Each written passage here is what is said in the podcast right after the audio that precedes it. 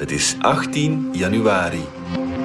Dit is vandaag de dagelijkse podcast van de Standaard. Ik ben Alexander Lippenveld. Drie maand geleden werd ons land opgeschrikt door terreur met de aanslag in Brussel op Zweedse voetbalsupporters. We zijn daardoor opnieuw wakker geschud. Terreur is niet weg. De dreiging is volgens Staatsveiligheid vandaag ernstig en komt vooral van de groepering ISKP, de Islamitische Staat in de Khorasan-provincie. Wie zijn die terroristen en hoe groot is het risico op nieuwe aanslagen?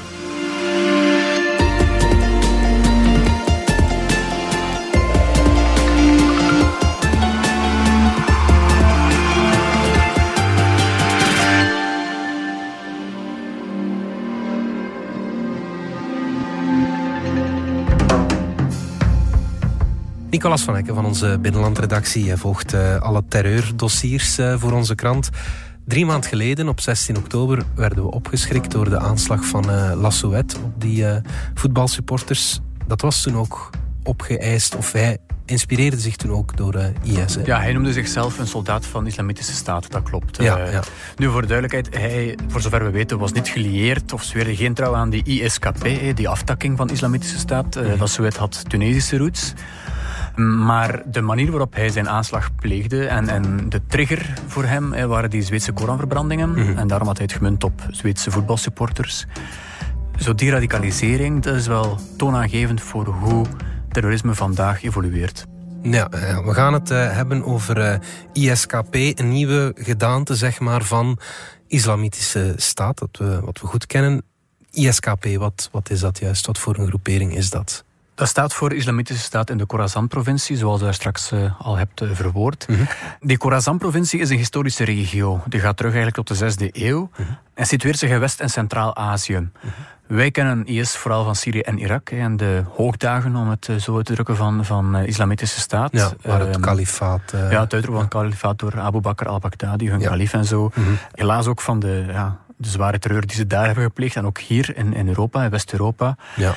Dan door de internationale coalitie is de Islamitische Staat in de Levant in Syrië en Irak teruggedrongen. Mm -hmm. Maar natuurlijk dat gedachtegoed blijft leven. Ja. Daar in de regio zelf, in het Midden-Oosten, maar ook in Centraal-Azië en in uh, West-Azië. Mm -hmm. Dat wordt dan franchises genoemd, in dit geval dus ISKP in de Khorasan-provincie, geïnspireerd door de Levant. En deze ISKP opereert vooral in Afghanistan, Turkmenistan, Oezbekistan, Tajikistan en ook voor een stuk Pakistan. Ja, dus ja. dat is een Centraal-Aziatisch gebied dat verschillende landen overspant. Ja, ja, ja, een organisatie die intussen ook al een hele reeks aanslagen gepleegd heeft. Hè? Ja, helaas wel. Dus in de regio zijn ze verantwoordelijk voor tientallen aanslagen de voorbije zes, zeven, acht jaar met honderden doden. Mm -hmm. Een aanslag die veel weerklank kreeg in het Westen, omdat eigenlijk ja, het gebeurde onder het oog van de wereld, was op de luchthaven van Kabul in augustus 2021. Ja. Uh, op het moment toen, dat Amerika zich terugtrok. Ja, inderdaad. Ja. Dus die Amerikaanse troepen trokken zich daar terug. En ja, dat is nog altijd een van de meest beschamende momenten in het recente buitenlandbeleid van het Westen en de VS. Dus Afghanistan en Kabul vielen in handen van de Taliban. Mm -hmm. De luchthaven was eigenlijk de enige uitweg uit Afghanistan. Veel uh, Afghanen die hadden samengewerkt met uh, westerse troepen wilden daar zo snel mogelijk weg uit vrees voor vervolging en erger.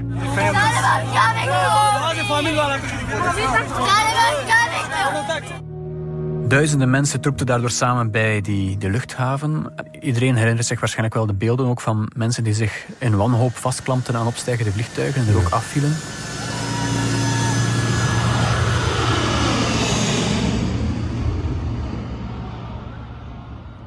En te midden van die chaos heeft ISKP een van zijn uh, bekendste aanslagen gepleegd, waarbij 183 mensen zijn omgekomen. Ja. 170 Afghanen en uh, zeer tekenend ook 13 uh, mensen van het Amerikaanse leger. Ja, met een zelfmoordaanslag was ja. dat. Ja, ja, ja. Um, een soldaat die er uh, toen bij was, Tyler Vargas Andrews, die uh, heeft daar vorig jaar nog over getuigd in de Amerikaanse Senaat.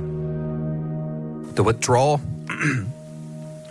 The withdrawal was a catastrophe, in my opinion. And there was an ex- inexcusable lack of accountability and negligence. About 1730, Staff Sergeant Darren Hoover, friend and mentor,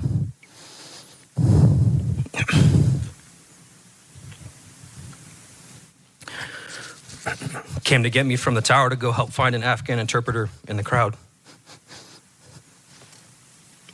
We found the interpreter and his brother I stayed there waiting for the family members standing against a two foot canal wall. Ten minutes passed. then a flash and a massive wave of pressure. I'm thrown 12 feet onto the ground, but instantly knew what had happened. I opened my eyes to Marines dead or unconscious lying around me. My body was overwhelmed from the trauma of the blast.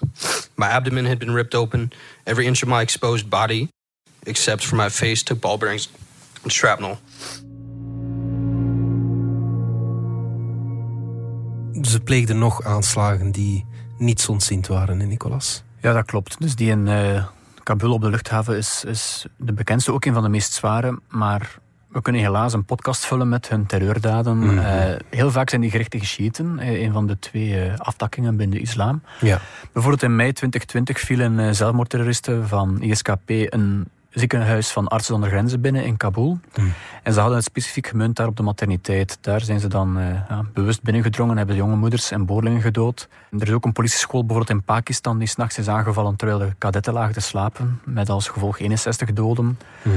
In 2019 pleegden ze een heel zware aanslag op een huwelijksfeest in Kabul, uh, waarbij 92 doden vielen te betreuren.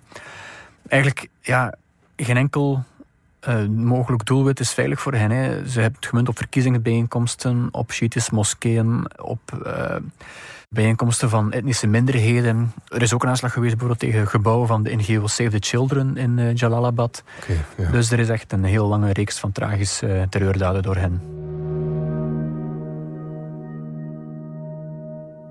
Waar komt die ISKP eigenlijk uh, vandaan? Kan je dat schetsen? Wel, uh, Antonio Giostuzzi, dat is een Britse terreuronderzoeker, die heeft een van de weinige diepgaande werken geschreven over de ISKP. Uh, heet gewoon de Islamic State in Khorasan. Mm -hmm.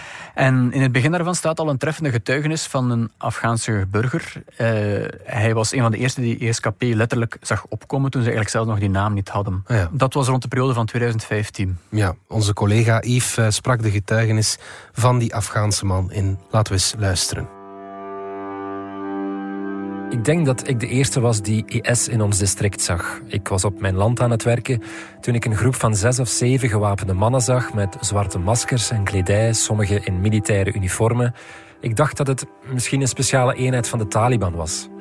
Snamiddags kwam ik samen met enkele andere ouderen om te overleggen. Ik vermeldde deze groep en niemand had er al van gehoord. Ongeveer een maand later hoorden we dat een nieuwe groep met de naam IS was gestart in het Kayaki-district.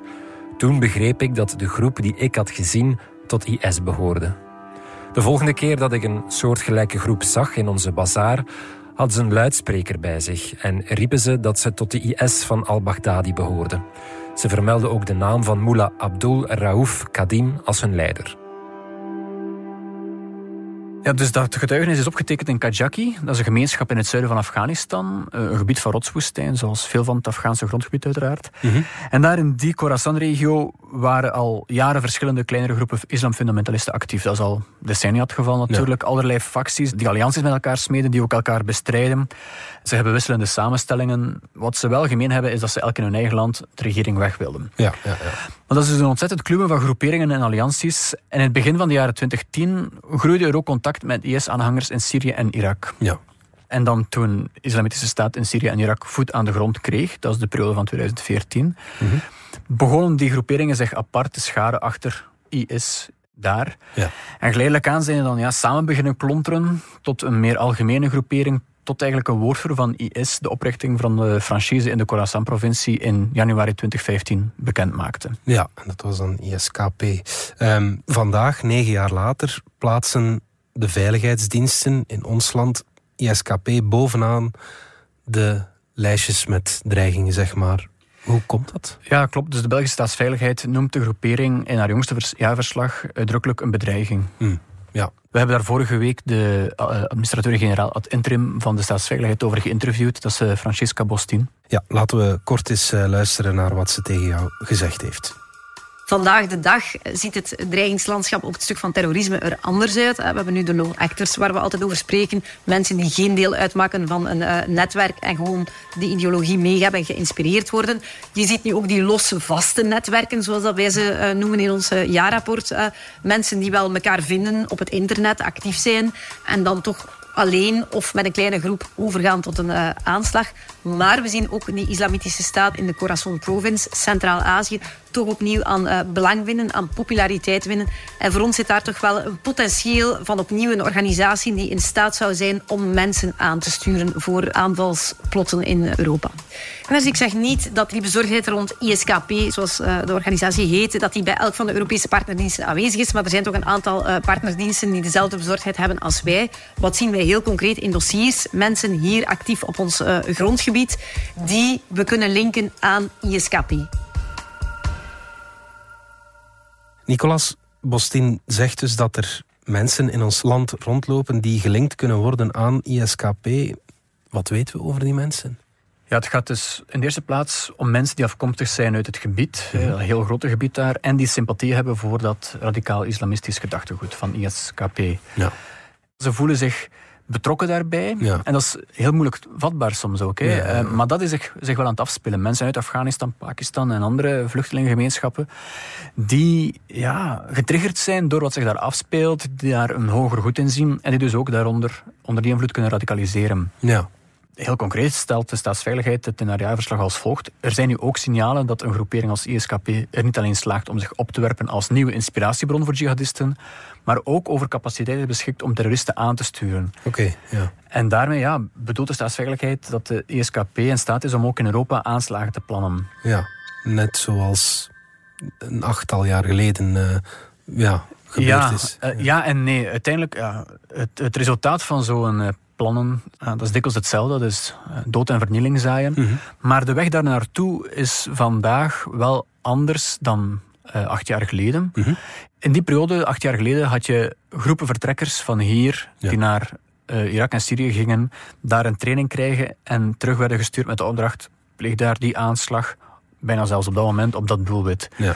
Nu gebeurt dat allemaal veel losser. Ja, onder meer door internet, uh, wat die communicatie nog veel uh, meer heeft vergemakkelijkt met ja, iedereen wereldwijd. Mm -hmm zijn die impulsen er wel aanwezig, maar heel concreet hoeft, die, hoeft dat aansturen niet te zijn. Dat is allemaal, ja, men noemt dat dan in, in, in de veiligheidsdiensten losvaste netwerken. Mm -hmm. De ene dag heb je contact met het ene netwerk, de andere dag met een ander netwerk, maar de, de week erna pleeg je door een of andere trigger op eigen houtje een tussen aanhalingstekens kleine aanslag. Mm. Van die gecoördineerde aanvallen waarbij er kilo's TATP, dus een, een explosief materiaal worden gemaakt, om dan gecoördineerd af te laten gaan het ziet er naar uit dat we dat minder te zien gaan krijgen. Ja, ja. Dat er een soort evolutie bezig is in de vorm van terreurdaden en dat er meer lone actors toeslaan die ja, bijna van de ene dag op de andere beslissen ja, nu ga ik mij een wapen aanschaffen en ga ik een aanslag plegen. Ja, zoals Lassouet dat uh, eind vorig jaar deed. Inderdaad, voor zover we weten, het radicaliseringsproces bij hem heeft zich zo afgespeeld. Ja. Dat was niet aangestuurd, daar zijn geen... Ja, grote reisbewegingen geweest. Hij heeft natuurlijk een lange zwerftocht door Europa afgelegd als vluchteling. Maar ja. het is niet dat daar een, een, rechtstreeks fysiek contact is geweest met iemand in het Midden-Oosten waarop hij hem heeft aangestuurd. Nee, ja. Dat lijkt misschien nog wel gevaarlijker en vooral veel moeilijker op te sporen dan. Uh... Ja, dat geeft men ook aan dat, dat uh, de dreiging is meer diffuus geworden, moeilijker te detecteren, zeggen ze zelf ook in het mm. jaarverslag. Eén, door gewoon ja, die communicatie die anders verloopt. Er is ook de voorbije jaren een trend geweest richting meer encryptie in uh, communicatiekanalen online. Uh, dat maakt opsporing van, van terreur, maar ook andere feiten van criminaliteit en zware criminaliteit veel moeilijker.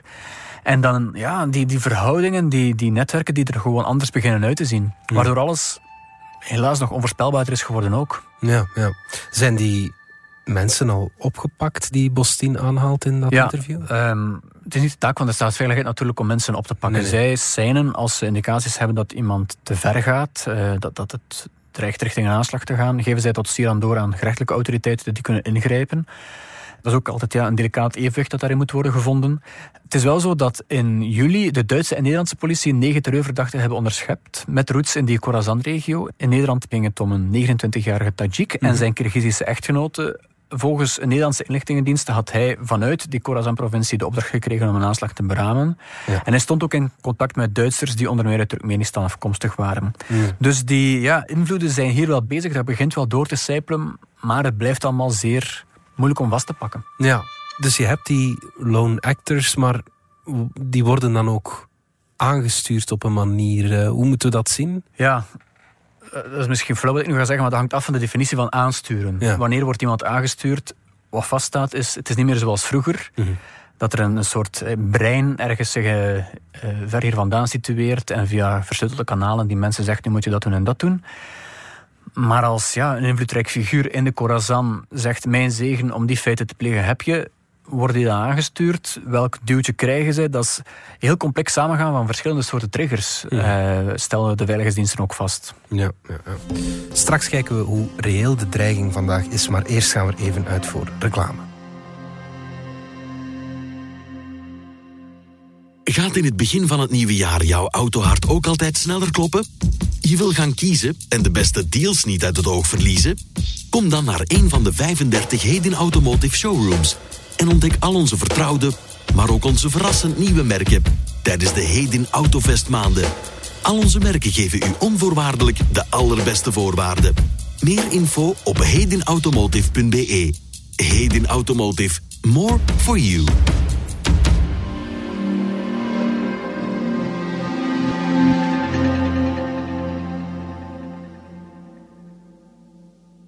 Nicolas, we hadden het over die dreiging van ISKP uit die Khorasan-provincie in Centraal-Azië. Hoe reëel is die dreiging voor ja, ons land en bij uitbreiding West-Europa vandaag? Het is in elk geval zo dat de dreiging die uitgaat van jihadistisch terrorisme de belangrijkste is volgens de staatsveiligheid. Ja. Um, of dat dan van ISKP is of van andere franchises of actoren daarin, dat valt nog te bezien, dossier per dossier, individu per individu. Mm en het jihadistisch terrorisme, ja, we lijken dat misschien niet meer zo te merken, maar dat is wel nog altijd een belangrijk fenomeen. Het mhm. belangrijkste zelfs, omdat de impact daarvan is heel ernstig altijd. Het gaat altijd om, om, om fysiek geweld waar het op dreigt uit te draaien. Wat men bij de veiligheidsdiensten ook vaststelt, is dat die dreiging toeneemt sinds midden vorig jaar. Dat komt ook door internationale evoluties die triggers kunnen zijn. Gaza bijvoorbeeld is nu wel zo ja, iets waar men zich extra van bewust is. Van, leidt dat tot radicalisering en dus mogelijke terreurdaden hier? Daar ziet het voorlopig naar uit, maar dat kan snel veranderen. Niet vergeten dat we vandaag nog altijd op terreurniveau 3 zitten. Dat is op één na hoogste. Dus men is echt wel heel beducht voor die mogelijke aanslagen. Terwijl het de afgelopen jaren corrigeer me als ik me vergis, maar toch vooral ging om rechtsextremisme en de dreiging die daarvan uitging. Ja, dat staat ook nog altijd uh, hoog op de radar natuurlijk, maar we zijn in 2015, 16 zo gechoqueerd geweest mhm. door die aanslagen, en terecht. En dan, ja, het is niet dat er een soort gewenning ontstaat, maar erger dan dat kan het bijna niet worden. Mhm, mhm. Waardoor dat de aandacht verandert voor zo'n fenomenen. Er zijn nog heel veel terreurdossiers rond jihadistisch terrorisme. Maar veiligheidsdiensten en gerechtelijke diensten hebben zich daarin ook aangepast. Die grijpen vroeger in dan vroeger, omdat ze er ook ja, meer wettelijke tools voor hebben gekregen en zo. En daardoor komt dat minder naar de oppervlakte dan nu is. Daardoor zijn de feiten die worden vastgesteld ook ja, minder tussen aanhalingstekens spectaculair. Ja. Dat gaat vaak over voorbereidende daden. Een doelwit is nog niet uitgekozen, maar de intentie om een aanslag te plegen is blijkbaar wel voldoende om, om tussen te komen. Ja, ja, Dus ook daarin moet je heel ja, die verandering van terrorisme en de strijd tegen terrorisme zien. En dreigt die schaalgrootte van 2015-16, toen we die aanslagen zagen in de Bataclan, in, in Nice met die vrachtwagen, in Zaventem en Maalbeek, dat hoge aantal doden, dreigt dat terug te komen? Ja, dat is natuurlijk moeilijk te voorspellen. Laten we in de eerste plaats hopen van niet. Maar als je ziet met welke eenvoudige middelen heel zware terreurdaden kunnen worden gepleegd, zoals in Nice met die vrachtwagen, ja, zo'n zware feiten vallen nooit uit te sluiten. Hmm. Maar nogmaals, de organisatie van wie het pleegt is wel veranderd ten opzichte van toen. Hmm. Nog een fenomeen is dat meer en meer minderjarigen lijken te radicaliseren. Ja, blijkbaar is dat ook een van de vaststellingen. Dat was uh, vorig jaar ook al voor een stuk zichtbaar in een aantal dossiers in het voorjaar, waarbij uh, ja, jonge mensen, minderjarigen, werden opgepakt uh, op verdenking van voorbereiden van een terreuraanslag. Wat het federaal parket daar toen ook over zei, was dat het opviel hoe snel die jongeren radicaliseren. Soms op enkele weken tijd. Mhm. Dus de combinatie van minderjarigen en snel radicaliseren maakt de dreiging nog moeilijker te vatten voor de veiligheidsdiensten, mhm. waardoor die nog veel meer op hun kivier moeten zijn. Ja, ja. Nicolas van Hekken, dankjewel. Graag gedaan. Dit was vandaag de dagelijkse podcast van De Standaard. Bedankt voor het luisteren. Volg ons op Spotify, Apple Podcast of eender welk ander podcastplatform. In onze gratis app DS Podcast kan je niet alleen ons werk beluisteren, maar ook de beste podcasttips terugvinden. Alle credits van de podcast die je net hoorde vind je op standaard.be-podcast. Reageren kan via podcast.standaard.be.